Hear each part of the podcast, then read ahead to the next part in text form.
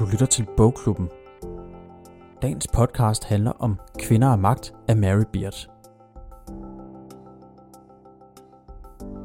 Moder, gang til de kammer nu hen og besøg din gerning i huset med din væv og din teen. Sådan lyder det i starten af Homers værk Odysseen, som mange ser som begyndelsen på vestlig litteratur. Her går Penelope, Odysseus hustru, og venter på ham, mens hun holder bejlerne stangen.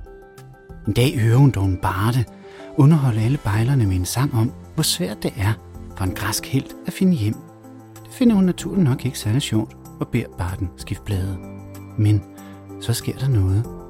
Telemachos, hendes unge søn, blander sig og beder hende smutte tilbage til væverkammeret, da det at tale mest indstår mænd og mest af alt ham. Og så går Penelope ovenpå igen. Vi spoler hurtigt 3000 år frem til i dag, hvor alt heldigvis ser helt anderledes ud. Eller hvad?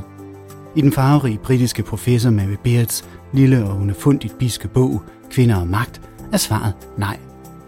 Her optegner hun, hvordan den årtusind lange tradition, vi i Vesten har, for at bede kvinder enten holde mund eller betale en overdreven pris for retten til at tale offentligt, stadig består. Hvordan vi hører skingerhed, når en lys stemme taler med autoritet og ikke tror på kompetence i nederdel. Men hvorfor skal magten stemme have køn? Og kan vi ændre på det? Velkommen tilbage til Bogklubben.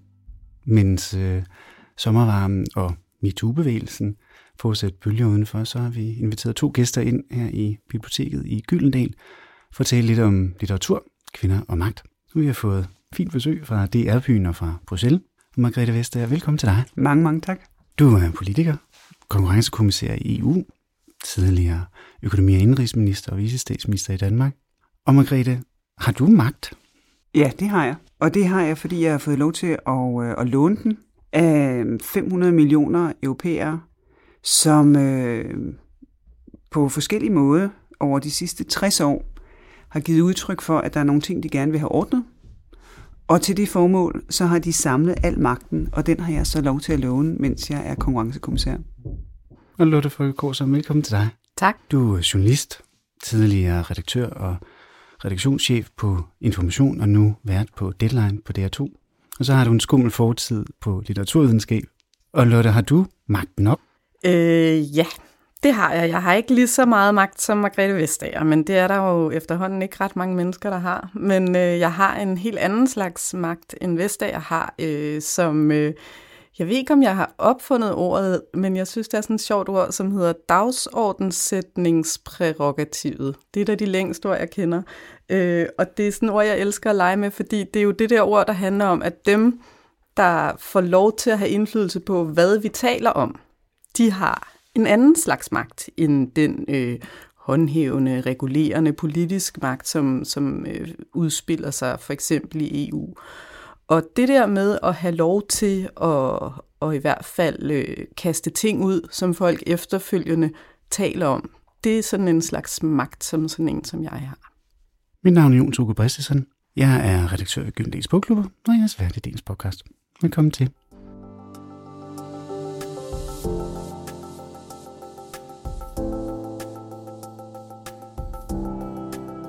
Se, og lige inden vi dykker ned i Mary Beards lille knaldperle af en bog, så kunne jeg godt tænke mig at høre, som vi sådan lidt vanligt gør her i podcasten, hvad for en type læser jeg har fået i studiet, og øh, hvordan litteratur måske fylder jeres liv. Og jeg tænker, Margrethe, du har et øh, ret stramt program, forestiller jeg mig. Og jeg ved jo, at strikning blandt andet følger dig, men hvordan med litteraturen? Hvordan passer den ind i en kommissærmappe? Jamen, jeg er en øh, meget ambitiøs, helt udisciplineret, ufuldkommen læser. Forstået på den måde, at øh, jeg tror, jeg har haft øh, Ulysses liggende på mit bord i nok cirka tre årtier. Mm. Faktisk uden endnu at være kommet til at åbne den. Ah. og, øh, og jeg har endda skiftet oversættelse. Ah ja. Fordi der er kommet en ny oversættelse, som mm. efter sine skulle være fantastisk, og jeg har også fået råd om, hvordan man går i gang, men så langt er jeg så ikke kommet. Nej.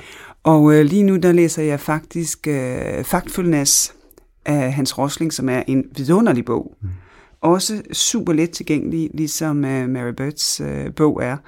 Og, øh, og man, jeg bliver i hvert fald øh, klogere og mere begejstret side for side. Jeg tænker, det her, det kan jeg bruge et andet sted. Og Lotte, Du øh, er jo litterat.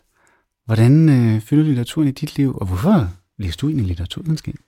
Altså før jeg siger det, bliver jeg nødt til at give et råd til Margrethe Vestager, fordi jeg har engang interviewet den danske digter Peter Laugesen om Ulysses. Og det er jo en bog, som alle altså, sætter meget højt, og næsten ingen har læst.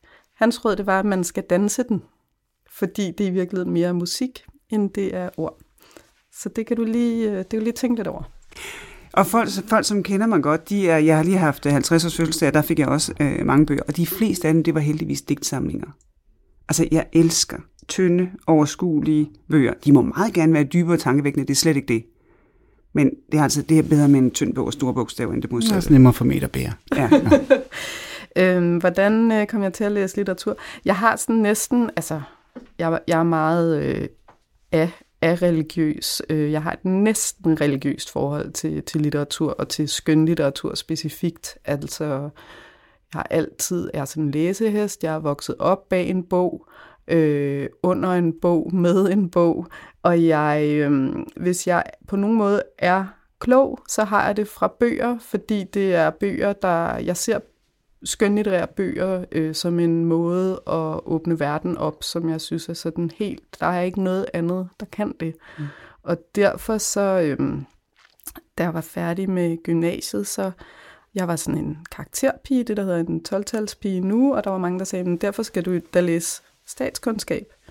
Og jeg tænkte, jamen det skulle jeg jo nok. Øh, og så susede jeg lige forbi litteraturvidenskab, bare lige for bare se, hvordan en forelæsning var. Og så sad jeg derude, og så tænkte jeg, kan man få lov til at sidde og læse skønlitteratur i fem år som en uddannelse? Det bliver jeg simpelthen nødt til at gøre. Så mm. sådan kom jeg til at læse litteraturvidenskab. Øhm, ja, sådan, sådan kan man i hvert fald blive litterat.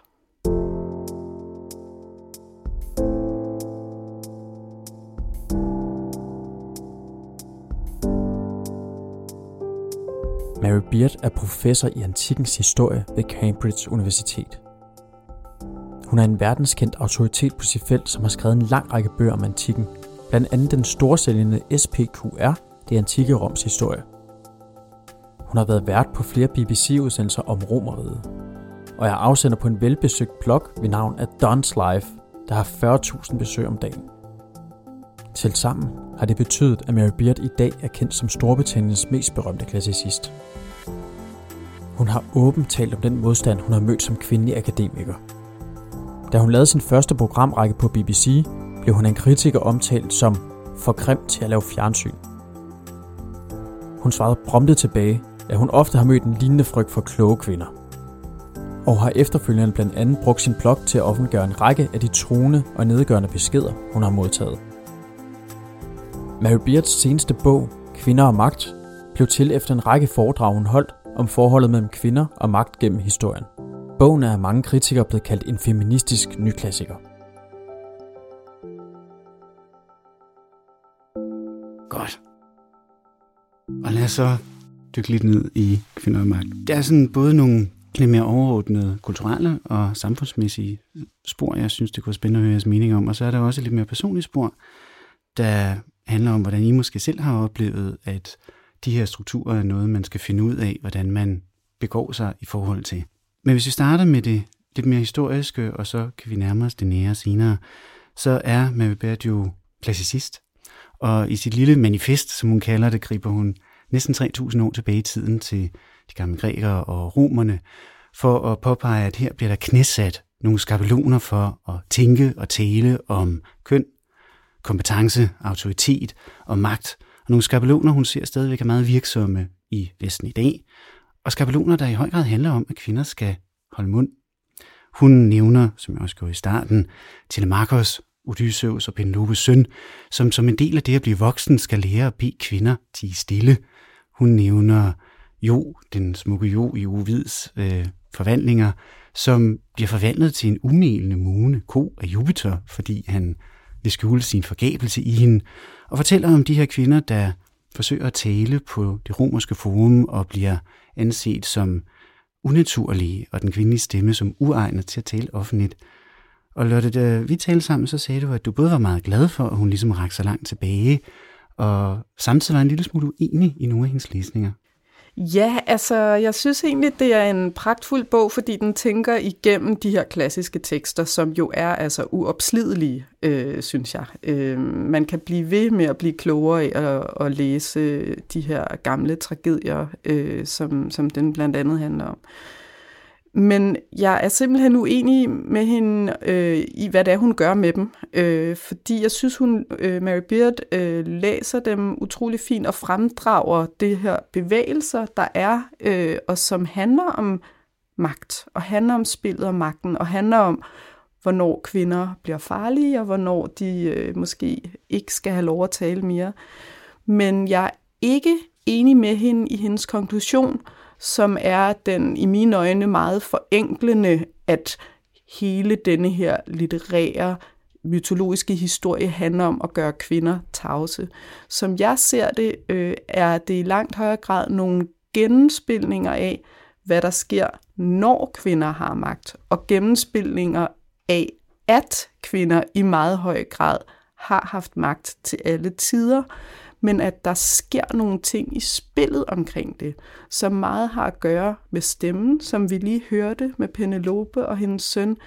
Og det er der jo historiske grunde til. Det er jo sådan historisk, at skriften har været meget mændenes domæne, og talen har været kvinders domæne, blandt andet fordi færre kvinder kunne skrive. Længere op i historien, så bliver det noget med, at skriften er jo for eksempel det latinske, mens stemmen hører til i folkesprogene, som er det, kvinder taler. Og allerede i tragedierne er der en spænding mellem det skriftlige og det mundtlige. Tragedierne har jo de her kor, der dukker op ind imellem dialogerne. Og korene, det stemmer.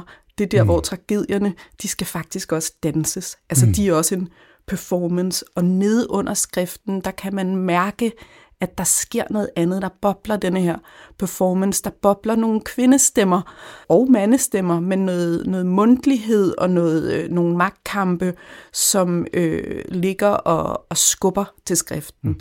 Så, så der, hvor jeg bliver uenig med Mary Beard, det er den konklusion, hvor hun siger, at fordi stykket ender med, at kvinden bliver gjort tavs, så ender stykket med, at kvinden ikke havde magt. Jeg mener jo, at kvinden i lige så høj grad skal gøres tavs, Medusa skal halshugges, øh, Antigone begår selvmord, fordi kvinden har magt i de her stykker, og fordi kvindens magt er så farlig. Du behøver jo ikke halshugge nogen, der ikke er farlig eller stærk. Hvad tænker du, Margrethe? Jamen, det, det tror jeg gerne. Øh, fordi det har jeg slet ikke forstand på. Der hvor, øh, der, hvor jeg synes, bogen er meget stærk, det er, at jeg kan genkende mange af mekanismerne og at noget, som, øh, som jeg måske i nogen grad selv har oplevet, men også synes jeg stadigvæk ser, i den måde vores, øh, øh, at, hvad skal man sige, at magtens territorie kan blive øh, befolket på. Der synes jeg, der er mange af de mekanismer, som er helt genkendelige i dag. Det er så ikke det samme, som det var. Der er mange ting, der er anderledes. Men der er mange af mekanismerne, der fungerer på samme måde, at, at magtens territorie, det er defineret ved mandlige karakteristika. Det er defineret ved en dyb stemme. Det er defineret ved nogle karaktertræk, som vi sådan stereotyp forbinder med mænd. Og, øh, og det gør, at, at sådan den kvindelige stereotyp, en, øh, en højere pitchet øh, stemme, øh, en anden måde at klæde sig på, øh, måske langt mindre uniformeret øh, end, øh, end mænd, øh, som, som ser sig selv som magthavere typisk gør, det, det gør, at magtens territorie kan blive virkelig svært øh, for kvinder at blive indfødt i. Og det, det synes jeg, bogen giver en, sætter nogle, nogle ord på, som, øh, som er meget tankevækkende. Der er så desværre ikke så meget handlingsanvisning. Men det gør egentlig ikke noget, mm-hmm. fordi det, det giver, øh, det giver nogle, øh, nogle eftertanker, som gør, synes jeg, at man selv øh, kan overveje, hvad man så vil gøre ved det. Mm. Og hun taler jo om det her med mutos, eller mytos, som er en særlig måde at tale på, som er beregnet til offentlige forsamlinger, og den er mandlig.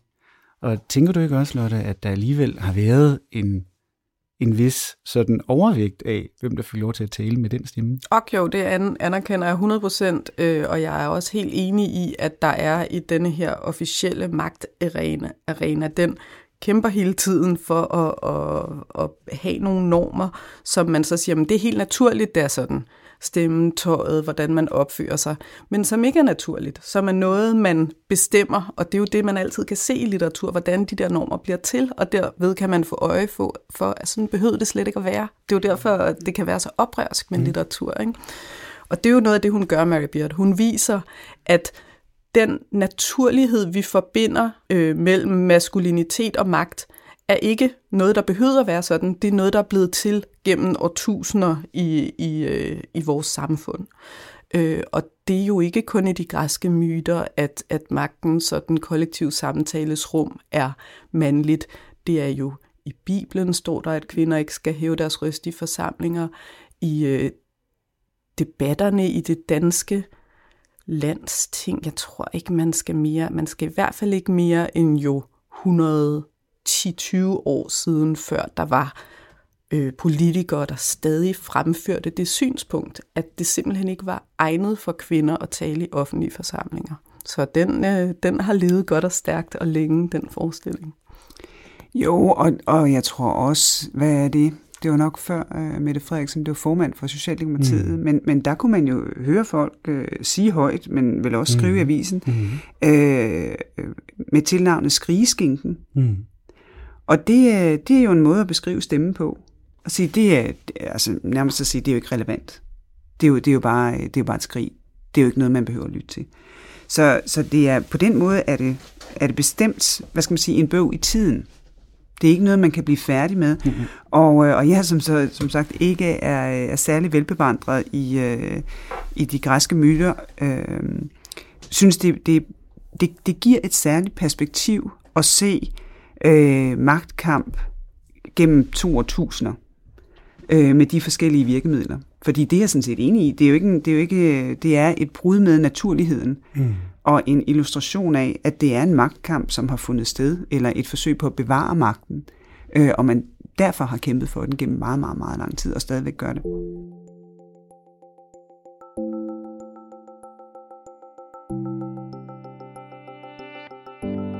Og Mary øh, taler jo også om, hvordan man så også kan bruge skabelonerne i forhold til eksempelvis Hillary Clinton og velkampen med Hillary Clinton og Donald Trump, hvor det bliver overlejet den her gamle skabelon med en held, der besejrer netop en, en kvindelig monster, som det jo er. Ikke?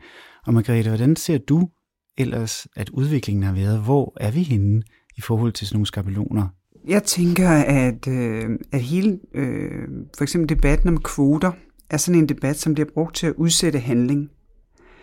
Fordi, øh, og jeg har selv også været, været meget imod, men det er et langt stykke hen vejen kommet mig over. Fordi det, der er tankevækkende, det er, at kvinder siger, at vi vil ikke have kvoter, fordi vi vil ikke vælges, fordi vi er kvinder. Men mænd har levet med at blive valgt, fordi de er mænd i århundreder. Fordi der har været en de facto mandekvote på 95 procent. Og det har de borget, Det synes ikke på nogen måde at have, have indvirket på deres selvfølelse eller deres selvværd eller noget som helst. Det er faktisk lykkedes dem at være mænd, selvom de er valgt, fordi de er mænd. Så er de også kun nogle andre ting, men det gælder faktisk også kvinder. Der er overhovedet ingen skam forbundet med at blive valgt, fordi man er kvinde. Fordi man bliver aldrig valgt kun fordi man er kvinde. Der følger altid en masse andre ting med. Det sætter grænser for, at vi kan handle på det her område i øh, den kommission, som jeg er en del af, der, øh, hvad skal man sige, der skar vi ligesom knuden over, og så i stedet for at blive ved med at diskutere det her, så gør vi noget. Der skal være mindst 40 procent kvinder i, øh, i den øverste ledelse i kommissionen, og det her mandat er over. Og da vi startede det, der var der 11 procent kvinder. Mm. Og i dag, altså mens vi taler, der er der 36 procent kvinder. Mm. Og det er fordi, vi ikke diskuterede en kvote, og den skulle være formel, og den skulle ikke... Nej, det var en beslutning om, at nu handler vi for at få det her til at ske. Mm. Og jeg er da sikker på, at der er mange af dem, der er blevet udnævnt, som lige pludselig har fået et andet blik på sig, hvor man kan, lige pludselig kan se, hvilken rolle kønnet egentlig spiller. Og det gør ikke noget, at kønnet spiller en rolle, fordi det er jo det, der er fantastisk, at vi er forskellige, og det er også det, der skal være styrken i, at vi er flere til at udøve magt. Det er, at vi som mænd er forskellige, og kvinder er forskellige, så mænd og kvinder også forskellige. Og det er det, der er, det er det, der er potentialet, det er jo det, der er det fantastiske. Øh, jamen, når du fortæller det, så, så sidder jeg og tænker på noget andet, jeg har observeret. Der er jo sket det i de sidste par år, at det er kommet tilbage, det med, at der skal gøres noget aktivt for at få kvinder ind i magtens rum. Jeg er selv opvokset i en generation, der troede, det var ordnet af mine mødre, øh, og nu vil man blive båret frem af sine kvalifikationer, så når jeg selv arbejdet mange år. I de sidste par år er det kommet tilbage på dagsordenen, at det var ikke nok. På Deadline, hvor jeg arbejder, har redaktionen besluttet at øh, arbejde målrettet for at få flere kvinder i programmet øh, ved at tælle op. Og det, jeg har tænkt over i den forbindelse, øh, og som du også har berørt tidligere, Margrethe, det er, at man tror, at dem, der har magt, der taler med magt, der sidder i deadline og kloge, eller der sidder i kommissionen og bestemmer, at de er der, fordi de havde magt. Men der er også en omvendt bevægelse, og det er, at dem, der kommer i deadline, eller dem, der sidder med direktørhatten på, eller kommissærhatten på, de får magt af at være udnævnt, af at være udvalgt af dem, der sidder og redigerer det rum. Fordi det, jeg igen og igen har oplevet, når der så har været kvindelige eksperter, gæster i Deadline, som man til andre tider måske ikke ville have inviteret ind, fordi mm. man havde taget den automatiske mand, det er sådan set aldrig, at der er nogen, der bagefter siger, hun var ikke så kvalificeret, eller hun var ikke... Øh, for de har altid, de er jo kun kommet ind, fordi de var kvalificerede, så de er trådt ud af det rum, og seerne har, øh, som jeg i hvert fald har hørt det på reaktionerne, haft en opfattelse af, at det var sørme en, en klog kvinde, eller en dygtig kvinde, der sad der. Så magt er også en funktion af den position, man bliver kaldet ind i, og det er sådan set ikke nødvendigvis mere indviklet end det. Og det er jo også på den måde, at vi er kommet til at forbinde mænd med magt, fordi mænd har siddet i magtpositioner. Mere, mm. mere indviklet er det nogle gange heller ikke. Og jeg har også læst, øh, Mariette, du har skrevet en artikel blandt andet om, hvordan man kunne forbinde det her til både MeToo-bevægelsen, men også hvordan man kunne forestille sig, at det netop handlede om at tænke magtens rum anderledes i forhold til en naturligt gjort oplevelse af, hvem der hører til inden for territoriet. Og er det det, vi ser i en sådan bevægelse her? Er det en omdefinering af, hvordan vi konstituerer og forstår magt? Altså i hvert fald må man sige, at der er mange kvinder, der er på sådan en slags tålt ophold i magtens territorie. Øh, hvis du ser på dansk erhvervsliv, på hvad vi har af CEOs, bestyrelsesformand, bestyrelsesmedlemmer, så er der stadigvæk forsvindende få kvinder. Der er nu langt færre bestyrelser, hvor der slet ikke er kvinder. Og det er selvfølgelig dejligt, øh, at vi er kommet dertil. Men der er stadigvæk virkelig meget at gøre. Og noget af det, som kan blive en, en positiv effekt af hele øh, MeToo-bevægelsen, og at, at kvinder endelig har en stemme i det offentlige rum, som bliver respekteret, og hvor man faktisk tror på, hvad de siger, apropos om en kvindes øh, stemme tæller, fordi mange af de her, de har jo sagt det før, og så har de fået at vide, at den mand, som har, øh, har udført overgrebet, at de ville blive ødelagt, ingen ville tro på dem, deres stemme talte ikke at man kan bryde med, med øh, et magtbegreb, som i hvert fald øh, nogle mænd, jeg tror bestemt ikke, det gælder alle mænd, og det gælder nok kun et lille mindretal af mænd, men som nogen i hvert fald har, nemlig at jeg har magten, fordi jeg er særlig prægtig. Og derfor så kan jeg gøre med den, hvad jeg vil. Jeg er ikke underlagt et større hensyn. Jeg er ikke underlagt den moral, som Lotte lige talte om. Jeg er mig, og derfor kan jeg gøre med dig, hvad jeg vil. At det, det er det, der er under det mest mm. massive angreb i årtier med MeToo-bevægelsen, og det er en god ting. Måske det også leder os lidt hen til det her med, hvilke elementer, der skal til for en sådan bevægelse, så lige pludselig er i tiden. Hvad er det, der skal til for, at vi begynder at kigge en lille smule anderledes på det menneske, som står og udøver magt? Og måske, hvis vi lige tager det øh, sådan en lille smule nære her, og måske netop til det her oplevelsen af, hvad, hvad det er for nogle skabeloner, man på en eller anden måde skal bruge et skuhorn for at passe ned i, eller udvide på en eller anden måde. Jeg vil gerne lige prøve at læse lidt op fra, fra bogen, hvor Mary Beard taler om det her med at prøve at lukke øjnene og forestille sig en autoritetsperson. Og hun skriver, hvis vi lukker øjnene og forsøger at fremkalde billedet af en præsident, eller for at bevæge os ind i vidensøkonomien en professor, så ser de fleste af os ikke en kvinde. Og det gælder, uanset om man selv er kvindelig professor, for den kulturelle stereotype forestilling er så stærk, at når vi taler om luk øjnene og forestil dig fantasier, så har selv jeg svært ved at se en som mig selv i min egen rolle. Andre steder taler hun om, hvordan Margaret Thatcher har fået stemmetræning og andre også for at sænke registret og om de her buksedragter, som øh, kvindelige toppolitikere kan ses i. Og Lotte, da vi talte som så sagde du, at du havde taget nogle meget specifikke valg i forhold til at netop figurere på skærmen, men også tænkt over, hvordan du selv lød. Ja, altså øh, det første ting, jeg var på forhånd, og det med, hvordan jeg lød, opdagede jeg først, øh, efter jeg havde været på tv. Jeg har, kun, jeg har kun lavet tv i halvandet års tid før. Det lavede jeg avis, og når man laver avis, er man jo ikke hverken krop eller lyd eller noget som helst. Så sidder man bag sit skrivebord en æderkop. Men da, når man så bliver vært på deadline, så, øh, så skal man jo mødes med en stylist, og man skal have et look, og det er jo ikke ens eget tøj, man er på. Det er jo noget, der bliver købt til en. Og der har man, det er nogle sindssygt dygtige folk, man mødes med, øh, med en meget høj faglighed, hvor man mødes og taler om, hvad man er for en, og hvordan det kan give sig til udtryk i, hvordan man skal se ud på skærmen. Og øh, det var jeg, havde jeg ikke nærmest noget sprog for. Men der var en ting, som jeg havde tænkt over, fordi jeg mange gange havde været gæst i fjernsynet før. Og noget af det, jeg fik at vide allerførste gang, jeg skulle i fjernsynet af, øh, af redaktionschefen på Deadline dengang, det var, du er jo lidt ung, du er en ung kvinde, tag en sort øh, jakkesæt jakke på, fordi så får du mere autoritet. Og det tror jeg var en god hjælp til mig dengang, til at blive hjulpet ind i magtens rum, øh, selvom jeg så lidt øh, blondineagtig ud, for nu at sige det som det er. Nu, hvor jeg er altså 42 år, og jeg har været redaktør i mange år, jeg er inde i magtens rum, så vil jeg gerne finde en måde at have autoritet på på skærmen, uden at være klædt ud som en mand. Fordi det er der stadigvæk rigtig mange kvindelige tv-værter, som er i den forstand, at de skal have jakkesætjakken på. Og det er der gode grunde til, fordi det er faktisk forstyrrende for blikket på tv, hvis du strider for meget i forhold til det, du skal lave i et program. Så det er ikke bare åndssvagt. Altså, der er også, man er nødt til at acceptere at arbejde med stereotyper i tv, fordi ellers skal folk ikke høre efter, hvad man siger. Men jeg sagde til den meget dygtige stylist, Lotte Masius, som jeg mødtes med, at jeg godt tænkte mig at finde ud af, om vi kunne gøre det på en anden måde. Øh, og det var hun meget åben over for. Og derfor så øh, har hun fundet en, en garderobe, hvor jeg ikke øh, er klædt ud som mand. Jeg har ikke de der jakkesæt på.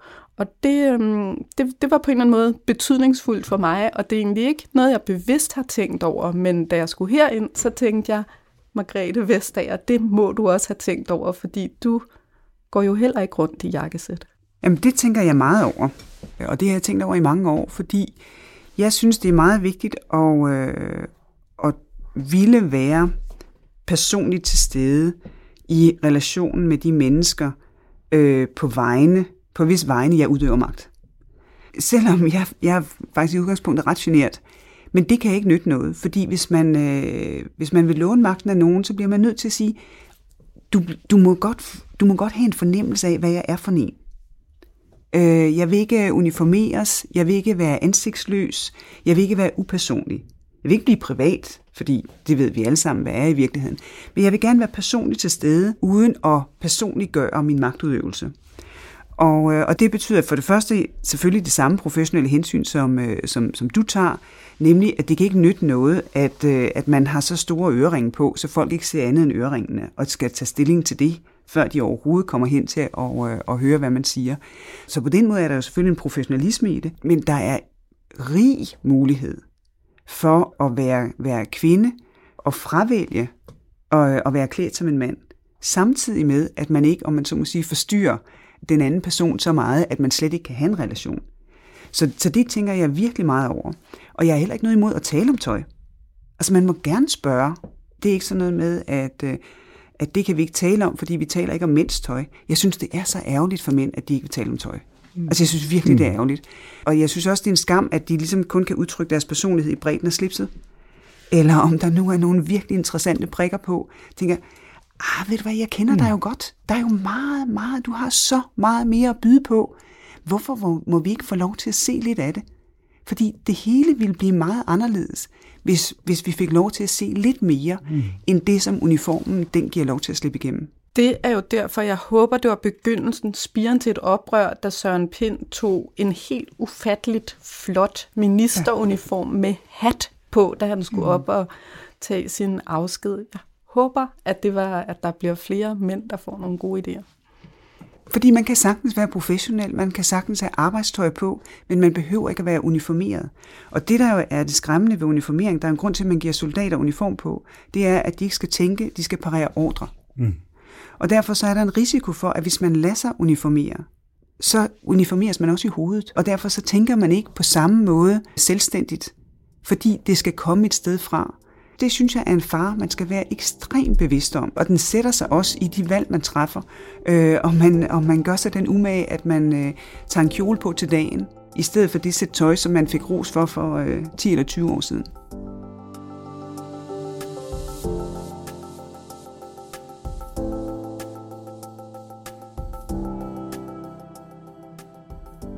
ideen om, at der er en pris for at træde ind i rummet. Har I oplevet den her oplevelse, eller den her oplevelse af, at eksempelvis stemmen skulle sænkes, eller at der var noget, som man kunne sige rakte endnu længere ind, end det, som tøj jo gør, og føles i højere grad som det, der var ens krop eller fysik, som man skulle forholde sig til på en anden måde? Altså, jeg, jeg, det, jeg ved det faktisk ikke, men jeg tror, at, øh, at, at kvinder, som, øh, som er i positioner, hvor de udøver magt, øh, øh, tænker meget mere over deres krop, end mænd gør. Det ser i hvert fald sådan ud, vil jeg så sige, helt sagt på jysk. Fordi du finder flere kvinder, som er øh, slanke, øh, som er øh, sådan meget øh, korrekt klædt, øh, måske som kvinde, men, men der, man har gjort sig umage. Øh, og der har, øh, der har mænd altså et større spillerum øh, og ligesom flere størrelser at gøre godt med. Øh, hvis jeg skal være sådan lidt diskret om det det er jeg enig i. Der skulle man måske også lige sige, at Mary Beard er jo en, som ikke mindst med opkomsten af de sociale medier, som jo har været med til at skabe den kraft, som øh, gav MeToo øh, kraft og stemme og magt. Men hun er også en af dem, som fordi hun er en kvinde, fordi hun ikke er klassisk af sit udseende, så har fået en masse lort kastet i hovedet på sociale medier. Og det sker for rigtig mange kvinder. Det er aldrig rigtig sket for mig, og jeg tror måske, det har at gøre med, det Margrethe lige beskrev, som er, at dem, som er, mange kvinder, som er komfortabelt inde i det der rum, er sådan lidt standard i størrelsen og i udseende, og altså der stikker ikke for meget ud, fordi det der er med kvindekroppen, det er, at den, den er det ikke normale. Den ser anderledes ud. Jo større bryster du har, jo højere du er, jo længere hår du har, jo et eller andet, jo mere er du bare forkert eller stikker ud. Og hver gang du er forkert eller stikker ud, er der noget, folk kan gå til angreb på. Sådan er mekanismen, og, og det sker. Så det har jeg ikke erfaret. Det jeg erfarede, da jeg øh, begyndte at lave tv, det er, at det gjorde jeg nogle måneder, og jeg, jeg har altid, jeg på en eller anden måde født, født med lidt for meget selvtillid, eller sådan, jeg har altid lidt mere selvtillid, end jeg måske egentlig burde have, så jeg var ikke så nervøs for det. Men efter nogle måneder, så tænkte jeg, jeg får godt nok meget brok over min stemme, at den er skinger, at den øh, er irriterende. Det var faktisk mest fra kvinder, så det var ikke noget med, at mændene nu gik til angreb på mig. Det var kvindelige seere på Facebook, beskeder og sådan noget, som sagde, du skal altså have noget stemmetræning, din stemme er virkelig irriterende, den, den har alt for meget diskant. Øh, så gik jeg til min chef, og så sagde jeg, jeg bliver simpelthen nødt til at få noget stemmetræning, fordi der er et eller andet helt galt med min stemme. Den er alt for meget i diskanten, den er for skinger. Så slog hun en, en høj op, så sagde hun, det får alle kvindelige tv-værter at vide. Altså det, sådan er det at starte som kvindelig tv-vært. Øh, det er fordi, åbenbart, at den kvindelige stemme per definition er forkert i forhold til at stå der og være tv-vært. Og det øh, kommer ud ved, at folk reagerer på den måde. Og det er en irritation, som jo er helt kropslig. Altså, jeg kender den også godt. Jeg kan også blive skide irriterende, irriteret, når jeg synes, at en stemme er for skinger. Så det er ikke ondskab, det er ikke fordomme, det er sådan noget helt indlejret i os, at der er noget forkert i den skingre kvindestemme, som man skal råbe op om, som der skal gøres noget ved. Og så har jeg også gået til stemmetræning. Øh, det er jo Danmark, så der er jo ikke nogen stemmetrænere, som i dag går med til, at det skal være et problem, at man har en kvindestemme, men derfor kan man godt arbejde med andre ting med sin stemme. Men de stemmetrænere, de, de arbejder, altså jeg tror ikke, jeg spørge en hvilken som helst kvinde i vært, og hun vil have oplevet noget lignende. Øh, og de mener også at kunne observere, at Theresa May, Hillary Clinton, ligesom Margaret Thatcher, som Mary Beard skriver om i bogen, de har også arbejdet med deres stemmer, gjort dem dybere, øh, samtidig med, at de tog deres jakker på og, og trådte ind i magtens rum. Men er det så de her små udvidelser, vi er i gang med? Er det den akkumulering af at ændre skabelonen, som kommer til at føre os videre, eller er der nogle andre skridt, som man kan tage? Hvad tænker du, Marine?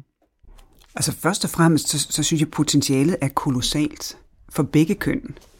Fordi hvis man heller ikke som mand behøver at lade sig uniformere for at få visa til øh, magtens territorie, mm så kan det være, at, at, øh, at det, øh, det territorie kan blive helt anderledes. Og jeg synes, der for, øh, især for unge mænd og for unge kvinder, der er en, en stor opgave i at udfordre os, der sidder der, til at sige, prøv lige at lukke øjnene op og se, hvor meget vi kan, selvom vi ikke ligner jer i udgangspunktet. Og hvor meget det kan bidrage med i, i den måde, vi udvikler vores samfund på, at vi ikke tænker i og kun ser stereotyperne. Det, jeg synes, der er afgørende, det er, at vi sætter noget op, som vi gerne vil opnå.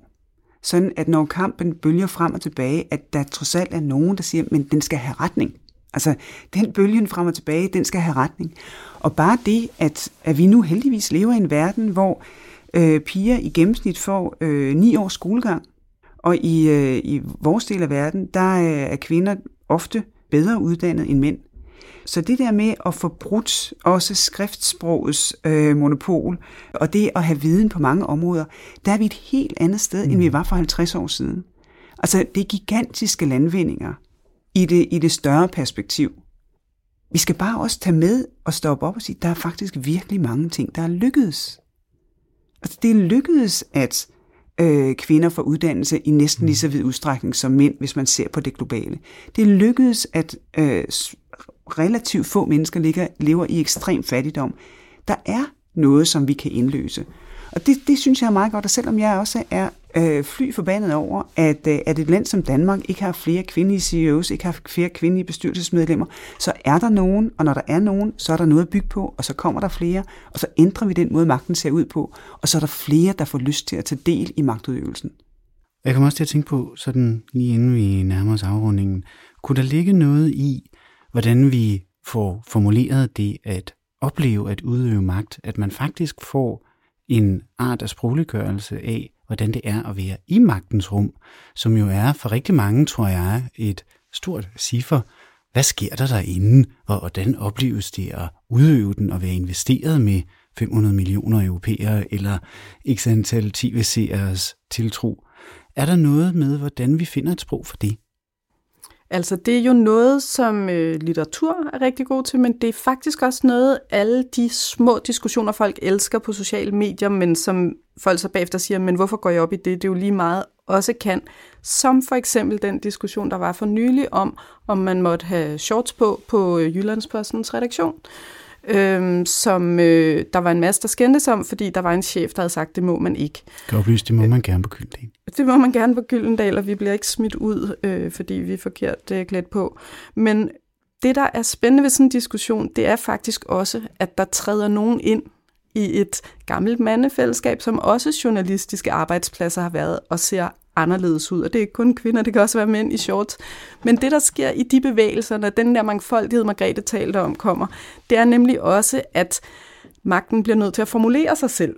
Øh, det holder op med at være underforstået, hvordan man ser ud, når man har magt. Og det er på en gang rigtig øh, vigtigt. Det er godt for magten selv. Øh, det er godt at tale om. Det er også en lille smule svagt for en magt at være nødt til at formulere sig selv. En magt er næsten allerstærkest, når den ikke behøver at sige, sådan nogen, der er herinde, skal altså have lange bukser på. Og den type diskussioner, man skal ikke undervurdere dem. Det kan godt lyde som en petitesse, men det, der også foregår i sådan nogle diskussioner, det er det, du efterlyste magten, der, der bliver nødt til at definere sig selv. Det, det er meget, øh, meget enig i. Altså, altså den, den magt, som bliver nødt til at sige, du kan ikke have shorts på, du skal have lange bukser på, for at, at være en del af, af os, som, har, som sætter dagsordenen og som har magt, det er et meget grundlæggende svaghedstegn. Så, så i den forstand, så tror jeg, at alle de der ting virker. Det er blevet meget omtalt, at jeg har beholdt en øh, pris, øh, hvis man kan sige det i anførselstegn, som jeg fik for en del år siden, som er en øh, gipsstatuette øh, af en fokfinger. Det er hele hånden, men, men det er det, der ligesom er meningen. Og den står på mit kontor. Jeg har så stillet den sådan, så øh, de fleste af mine, mine mødedeltagere, de er jo ikke danske. øh, så de ikke behøver at se på den, fordi det har man meget svært ved i andre kulturer end den mm. danske.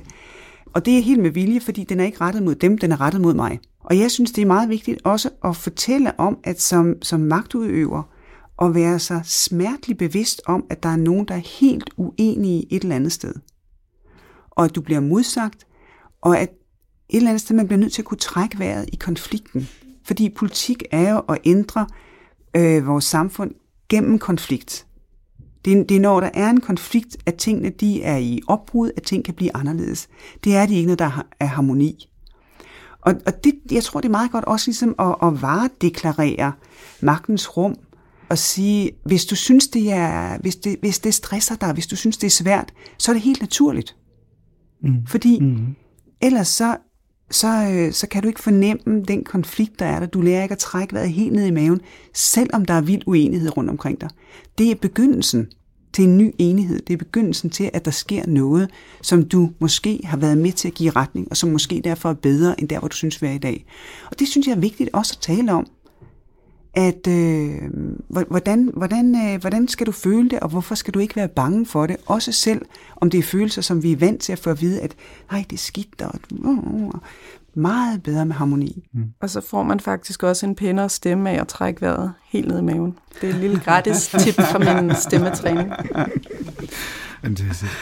Hvis vi lige her til sidst skulle måske lige samle op på, hvad vi har talt om, hvis I skulle knytte bare et par enkelte sætninger på, hvad sådan takeaway-pointen fra den her bog er? Øh, jamen, jeg vil sige, at øh, lidt eller det, Margrethe lige taler om med at trække vejret, altså denne her bog, den tager tragedierne, og så den åbner den lidt ens øjne for, hvor spændende en tid vi lever i lige nu. Ikke fordi kvinderne er ved at vinde over mændene, eller, men fordi der foregår en hel masse små spil, hvor magten bliver udfordret, og magten bliver tvunget til at formulere sig selv. Dens legitimitet har den en moral bag sig. Hvad ved den? Hvorfor har den den magt? Er der nogen andre, der burde have den? Det ser vi blandt andet i MeToo-bevægelsen. Vi ser det også i andre oprør mod gamle eliter. For eksempel øh, mange af dem, der, der også udfordrer folk som, som Margrethe i, i Europa. Altså, vi ser nogle sindssygt spændende ting, og det som Mary Beards bog, øh, synes jeg forbilledeligt gør, det er at hjælpe os med gennem de her gamle myter og se, hvad det er, der foregår. Og det er super godt at blive klog og forstående af det der med at se mekanismerne, når magt bliver udfordret og tvunget til at forklare sig selv. Bare lige to år i forlængelse af det, for det er jeg helt enig i. At den her bog handler om noget, der er meget vigtigere, end at kvinder vinder over mænd. Altså det er ikke det, der er det interessante. Det interessante er, at magten kan forandre sig og vi kan bruge sproget og vores kroppe og den måde, vi taler på og det, vi taler om, til at gøre det. Og så er bogen ikke længere og ikke sværere at læse, end når man har gjort det, så har man stadigvæk tid til at finde ud af, hvad man selv vil gøre ved det. Altså, hvordan man faktisk vil handle. Godt. Vi kunne godt lide at sende lytterne afsted med en anbefaling i podcasten, og jeg kunne godt tænke mig at høre, om I har en bog, som I synes kunne være interessant, hvis man enten har lyst til noget i forlængelse af det her, eller noget helt andet, som I kunne have lyst til at give videre. Måske, hvis du vil starte med Rene. Jamen, altså, det kan så ikke, det kan ikke leve op til, til sådan det, den, den skønlitterære målstok, men jeg er meget optaget af det, som Hans Rosling der kalder for factfulness. Fordi, ligesom Mary Birds bog, så er det også en måde at se verden, så man får langt flere nuancer med, og bliver meget bedre i stand til at vurdere, hvad det egentlig er, Lot præsenterer der i deadline, og om man virkelig kan tro på det, eller om det nu er det, de har valgt at bringe i dag, og at verden måske er meget større. Og den er noget så sjældent som en, øh, en faglitterær bog, der er let tilgængelig, let læst og super tankevækkende. Super. Og Lotte? Altså, jeg vil bare opfordre til at læse Antigone. Sofokles tragedie, den er ikke svær. Det lyder scary. Det er livet af landvejen. Det er det, der er så skørt ved de der grækere. De skrev fuldstændig moderne. Det er et fantastisk drama. Det fås ikke bedre, og der skal ikke ret meget til for at forstå det. Det er næsten umuligt at læse Ulysses. Jeg tror, sorry, aldrig nogensinde du kommer til at gennemføre. Antigone, den kan alle læse, og det vil jeg bare opfordre alle til. Nå, men ja, den, den udfordring, den, øh, den tager jeg. Den er taget Når op. vi mødes efter sommeren, så er det gjort. Okay. Genialt, det glæder mig til det. at det var samtalen handlede om i dag. Mange tak, fordi I vil være med. Tak dig, Margrethe. Det var en fornøjelse. Og tak til dig, Lotte. Tak. Tak.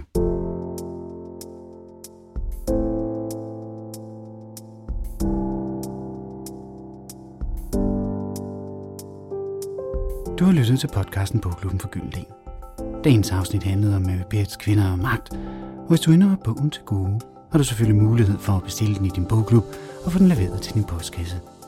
Det sker på www.gyldendelsbogklub.dk Det her var femte afsnit af Bogklubben. Du kan følge os i iTunes eller din foretrukne podcast-app ved at søge efter Bogklubben eller Gyldendel. Mit navn er Jon Toge Bristison, og dagens gæster var Margrethe Vestager, EU-kommissær og magtudøver, og Lotte Folke Korsholm, tv-vært og magtudøver. Mange tak, fordi du lyttede med.